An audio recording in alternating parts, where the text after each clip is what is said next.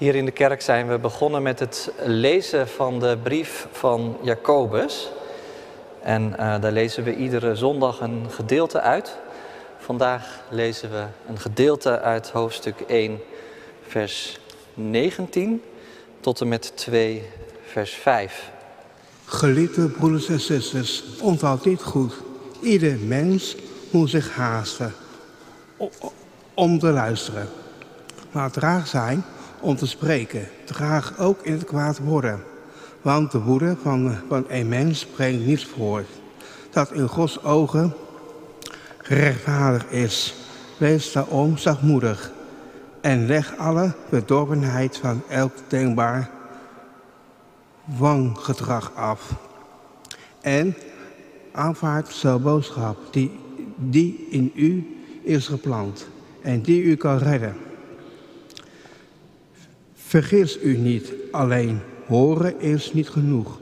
U, u moet wat u gehoord hebt ook doen, want wie de boodschap hoort, maar er niets mee doet, is net als niemand die het gezicht waarmee hij is geboren in de spiegel bekijkt. Hij zichzelf, maar zodra hij wegloopt, is hij vergeten hoe hij eruit zag. Wie zich daar, daarentegen spiegelt in de volmaakte wet, die vrijheid brengt en blijft doen, niet, niet, niet als iemand die hoort en, vergeet, maar als niemand die ernaar handelt, hem valt. Geluk ten deel juist om wat hij doet. Wie meent dat hij God dient, terwijl hij zijn tong niet kan beteugelen, zit op één dwaalspoor en heel zijn godsdienst is vergeefse moeite. Voor God de Vader is alleen te, te reine, zuivere godsdienst. Weduwe, wezen bijstaan in uw nood en in de acht nemen voor de wereld onberispelijk blijven. Broeders en zusters, het geloof in Jezus Christus, onze glorierijke Heer, staat niet toe dat u mensen op een uiterlijk beoordeelt. Stel dat uw samenkomst wordt bezocht door iemand die prachtige kleren en gouden ringen draagt en tegelijkertijd door een arme invonden als u dan eerste met alle zorg omringt en tegen hem zegt, neemt uw plaats hier, zit u goed terwijl u tegen de tweede zegt, ga daar maar staan of ga bij, bij mijn voederbank op de grond zitten. Maak u dan geen ongeloofd onderscheid en wordt, wordt uw oordeel niet door verkeerde overbewegingen bepaald. Luister, geliefde broeders en zusters, heeft God niet juist hen die naar wereldse maatstaven arm zijn uitgekozen om, om rijk te zijn door het geloof en deel te krijgen aan het koninkrijk, aan, aan het koninkrijk dat hij heeft beloofd, aan wie, hem lief hebben. Vanochtend denken we na over het stuk dat we lazen, in het bijzonder over Jacobus 2, vers 5. Daar staat dit, luister geliefde broeders en zusters, heeft God niet juist hen die naar wereldse maatstaven arm zijn, uitgekozen om rijk te zijn door het geloof en deel te krijgen aan het koninkrijk dat hij heeft beloofd aan wie hem liefhebben. En daarbij lezen we een zaligspreking van Jezus, zoals we dat ook in de afgelopen periode een aantal keer hebben gedaan. Matthäus 5, vers 3. En dat is dan ook meteen het thema van de preek. Gelukkig wie nederig van hart zijn, want voor hen is het koninkrijk van de hemel. Gemeente van Christus, hier in de kerk, thuis met ons verbonden, beste doopouders. Jullie kinderen zijn er nu nog een beetje te jong voor, denk ik. Maar de tijd gaat ongetwijfeld komen dat je ze eindeloos gaat voorlezen. Tenminste, sommigen van jullie hebben al wat oudere kinderen, dus dan doe je dat denk ik al. Van Shaki en de chocoladefabriek tot Pipi Langkous en van Nijntje tot de sprookjes van Grim. Het zou zomaar kunnen dat je er zelf ook groot mee geworden bent. Met dit soort klassiekers. En dat je niet kunt wachten om te beginnen. En eerlijk is eerlijk, vaak hebben die klassiekers onder de kinderverhalen niet alleen de kinderen iets te zeggen, maar ook de ouders en de ouderen. Neem bijvoorbeeld het sprookje De kleren van de keizer van Hans Christian Andersen. Hij schreef het in 1837, maar het is nog steeds actueel. Het gaat over een keizer die erg gesteld is op zijn uiterlijk. Zijn gewaden worden steeds duurder, maar de keizer zelf raakt er steeds sneller op uitgekeken. Uiteindelijk wil hij iets echt bijzonders. En beveelt zijn kleermakers een mantel te maken van een stof die niet bestaat. Nou ja, de hele hofhouding is in rep en roer, want hoe gaan ze dit voor elkaar krijgen? Totdat er een paar rondreizende kleermakers langskomen die zeggen dat ze precies aan deze wens kunnen voldoen. Zij maken namelijk kleding van een stof die alleen zichtbaar is voor slimme mensen. Je begrijpt wel, dat is natuurlijk een leugen.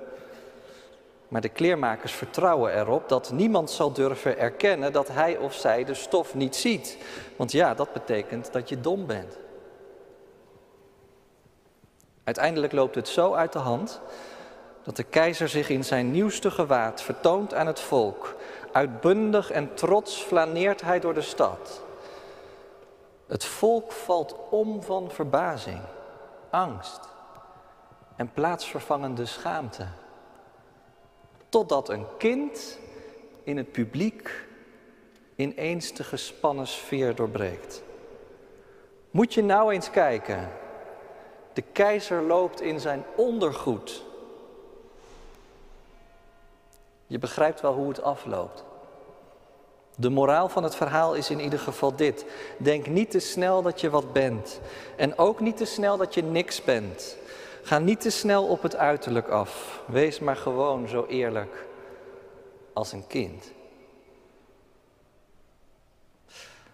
Nou ja, zo'n verhaal is hoogst actueel, denk ik, altijd. Er zit van alles in, maar in ieder geval herkennen we deze neiging ook wel om steeds maar op het uiterlijke af te gaan. Ook al weet je dat het eigenlijk om iets anders gaat in het leven. Je ziet het ook keer op keer in de Bijbel terug. De mens ziet aan wat voor ogen is. Blijkbaar is dat een oermenselijk trekje. Maar God breekt daar dwars doorheen. Hij ziet het hart aan. Neem bijvoorbeeld de geschiedenis van Kain en Abel. De ene is een stoere jager en de ander is een wat schuchtere tuinier. Abels naam betekent letterlijk zucht. Maar God neemt het offer van Abel aan. En om de een of andere reden dat van Kain niet. En wat dacht je van Jacob en Esau? Nog zo'n verhaal. Jacob was niet alleen de zwakste van de twee, maar hij had het ook nog een beetje achter de ellebogen. Nou, niet bepaald de held van de geschiedenis. Maar God gaat nu juist met hem aan de slag en maakt van hem een vader van Israël. En dan tenslotte nog een laatste voorbeeld, koning David. Als de profeet Samuel de nieuwe koning voor Israël moet opsporen, dan laat vader Isaï al zijn zonen aan Samuel zien. Behalve eentje, de jongste van het stel, die is op de beesten aan het passen. Maar goed, hij zal toch de gedroomde koning niet zijn? Nou, hij is het dus juist wel. Want de mens ziet aan wat voor ogen is, maar God ziet het hart aan, staat er dan. En vergis je niet, ook het hart van David was verre van perfect. Lees daar de psalmen maar op na. Maar er was iets van binnen waardoor juist hij geschikt was om door God uitgekozen te worden. Wat was dat dan? Nou ja, daar gaat het over vanochtend. Wat is nou een hart dat past bij God? Ik denk eigenlijk dat we in de verschillende lezingen van vanochtend al een heel aantal aanwijzingen hebben gevonden. Natuurlijk, in die gelukswens die we lazen. Gelukkig wie nederig van hart zijn. Maar ook al eerder in de dienst, toen we dat gedeelte lazen uit Marcus, over Jezus en de kinderen, over uiterlijke schijn gesproken. Terwijl Jezus met zijn leerlingen onderweg is, stelt hij ineens een heel verrassende, maar ook ontdekkende vraag. Zeg eens, waar zaten jullie zojuist nu zo ruzie over te maken? En dan wordt het helemaal stil. Want ja, ergens diep van binnen weten de leerlingen meteen dat het niet zo netjes was om ruzie te maken over de vraag wie van hen nu wel de belangrijkste zou zijn.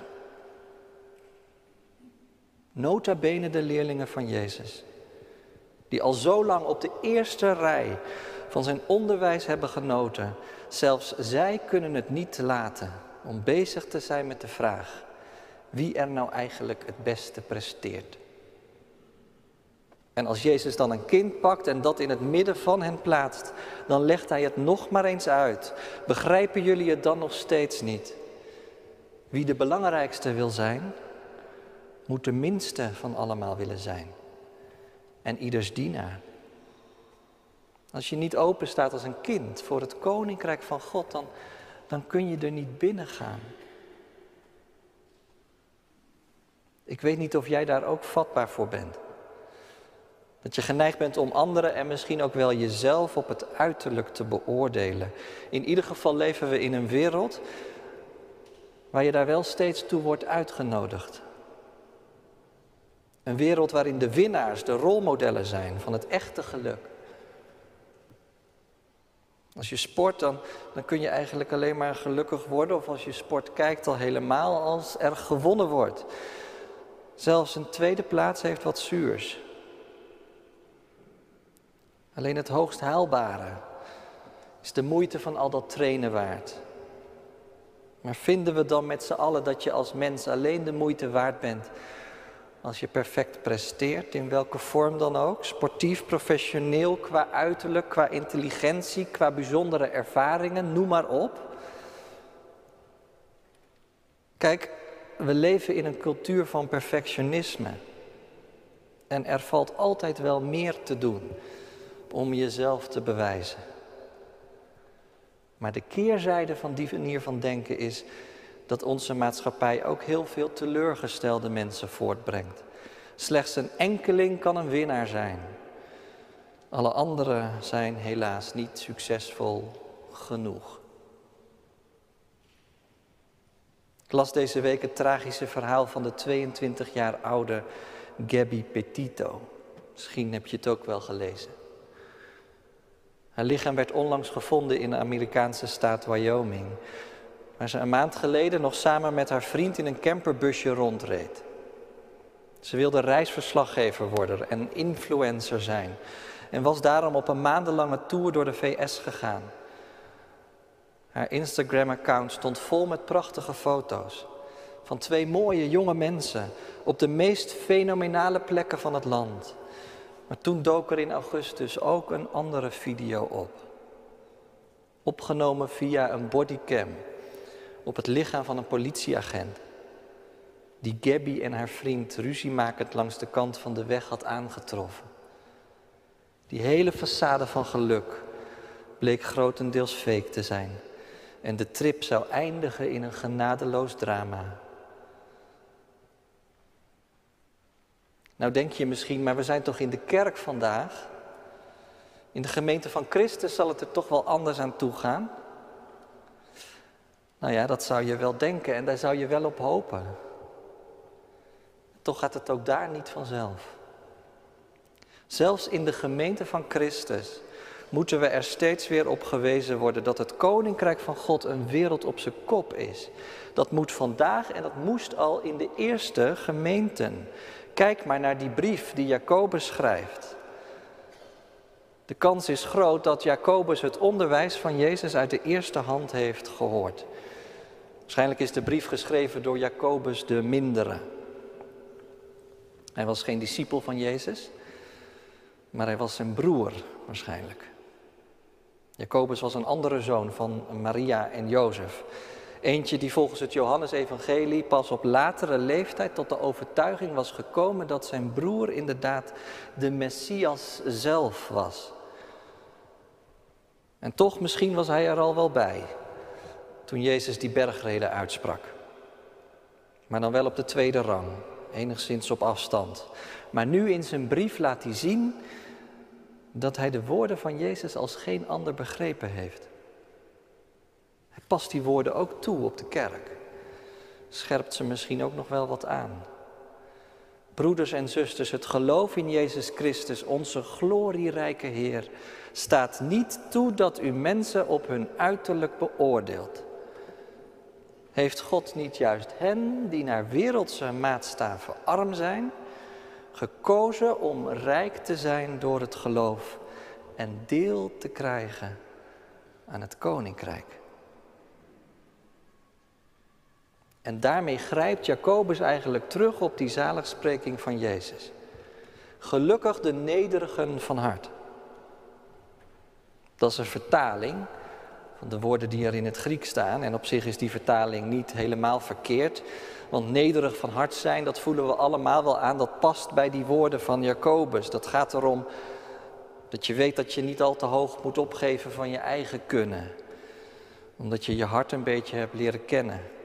En dan past nederigheid en bescheidenheid. En, en op die manier kun je ook naar andere mensen kijken. En dat relativeert enigszins.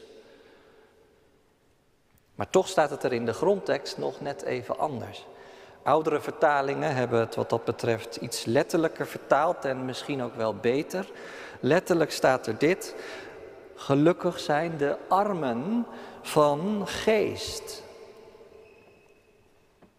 Misschien ben je geneigd om bij die uitdrukking te denken aan mensen die letterlijk arm waren.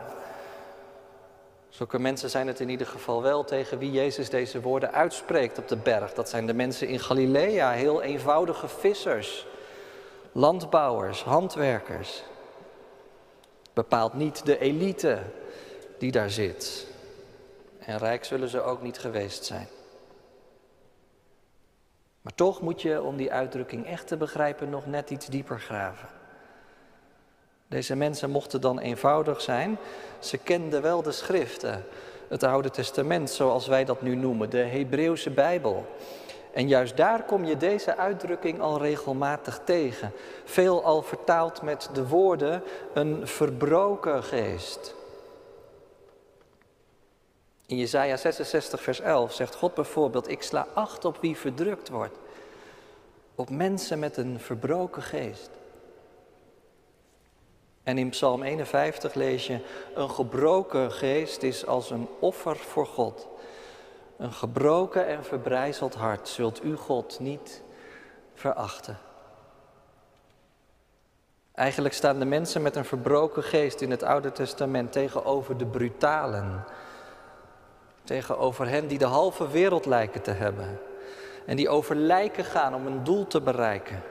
Die hun schaapjes wel op het droge hadden en bovendien in staat waren om in Jeruzalem allerlei omvangrijke offers te brengen in de tempel. Maar God zegt, ik kan niets met jullie offers. Ik wil je offers helemaal niet. Ik wil je hart. En schroom dan niet juist te komen als je er ellendig en gebroken aan toe bent. En zo kom je ze eigenlijk in de hele Bijbel tegen. Mensen met een verbroken hart, arm van geest. Die weten dat ze in alle misère van het leven niets anders hebben dan God alleen. Die weten dat ze hun leven uiteindelijk niet in hun eigen hand hebben. Die geleerd hebben om zich open te stellen voor dat wat ze ontvangen. Eigenlijk zou je het zo kunnen samenvatten. Arm van geest zijn, dat betekent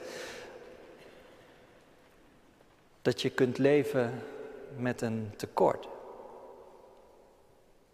Een leegte in je hart, die eigenlijk alleen maar door God zelf gevuld kan worden. Want dat heb je ook ontdekt. Het stopt niet bij het tekort. Nee, het begint daar pas. Want dat is toch wat Jezus zegt. Gelukkig zijn de armen van geest. Waar een tekort is, Dat belooft God om dat tekort aan te vullen. Ten diepste betekent arm van geest zijn dat je ernaar verlangt om gevuld te worden door die andere geest, de Heilige Geest, die levend maakt en werkelijk leven is. Dat kan je in allerlei situaties zomaar nodig hebben. Een andere geest. Laat ik één voorbeeld noemen vanochtend, eigenlijk speciaal voor jullie als doopouders. Maar tegelijkertijd vast ook een goede illustratie voor ons allemaal. Tijdens de voorbereidingsavonden hadden we het over geloofsopvoeding. Kwamen we erachter dat geloofsopvoeding nog niet meevalt. Zometeen beloven jullie dat je ieder met de gave die God jullie heeft gegeven, jullie kinderen zullen voorgaan op de weg van de Heer.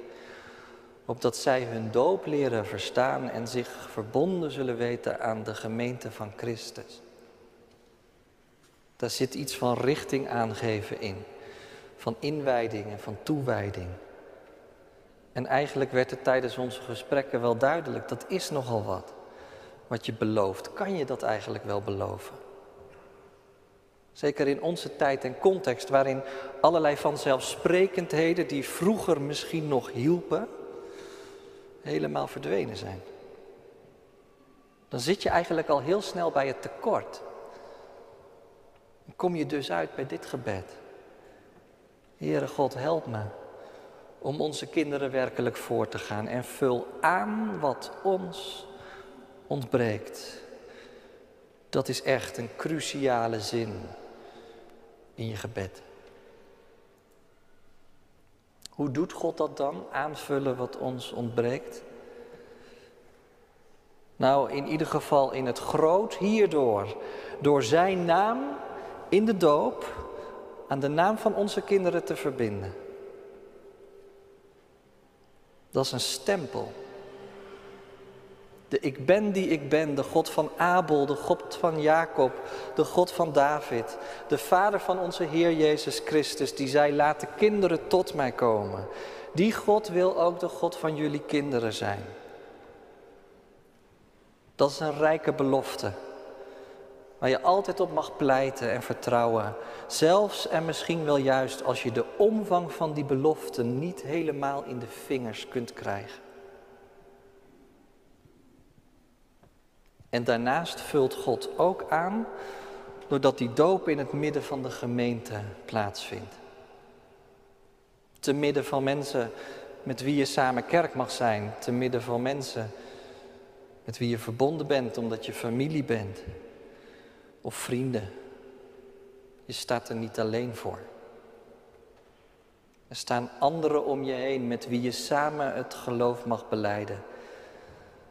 En heel praktisch, Misschien is er wel iemand in de gemeente die je nu nog helemaal niet kent, maar die straks op een bepaald moment in het leven van jullie kind precies de juiste dingen zegt en doet.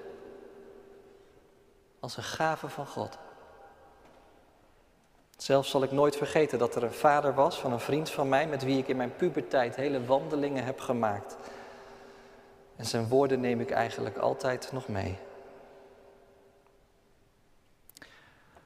En zo is de doop dus een heel gelaagd sacrament. De doop heeft allerlei betekenissen. Daar hebben we het ook over gehad en daar zijn we eigenlijk nog niet eens over uitgepraat. De doop is rijk. Eigenlijk is de doop een prachtige illustratie bij wat Jacobus in zijn brief schrijft. Heeft God niet juist hen die naar wereldse maatstaven arm zijn, uitgekozen om rijk te zijn door het geloof en deel te krijgen aan het koninkrijk. Want zeg nu zelf, of jullie kinderen straks naar wereldse maatstaven arm of rijk zullen worden, wie zal het zeggen? Maar doet het er eigenlijk toe? In het koninkrijk van de hemel in ieder geval niet. Jezus zegt, gelukkig zijn de nederigen van hart, Eigenlijk is dat gewoon een paradox. Kun je gelukkig zijn met een tekort? Ja, zegt Jezus. Ja, dat kan zeker. Als je mij lief hebt en met dat tekort naar mij toe komt, dan vul ik het aan. En dat is geen rekensom waardoor het allemaal precies uitkomt. Nee. De belofte van God is dat ons tekort zomaar een overvloed kan worden. Mijn beker vloeit over, Psalm 23. Uit dat geloof leven wij.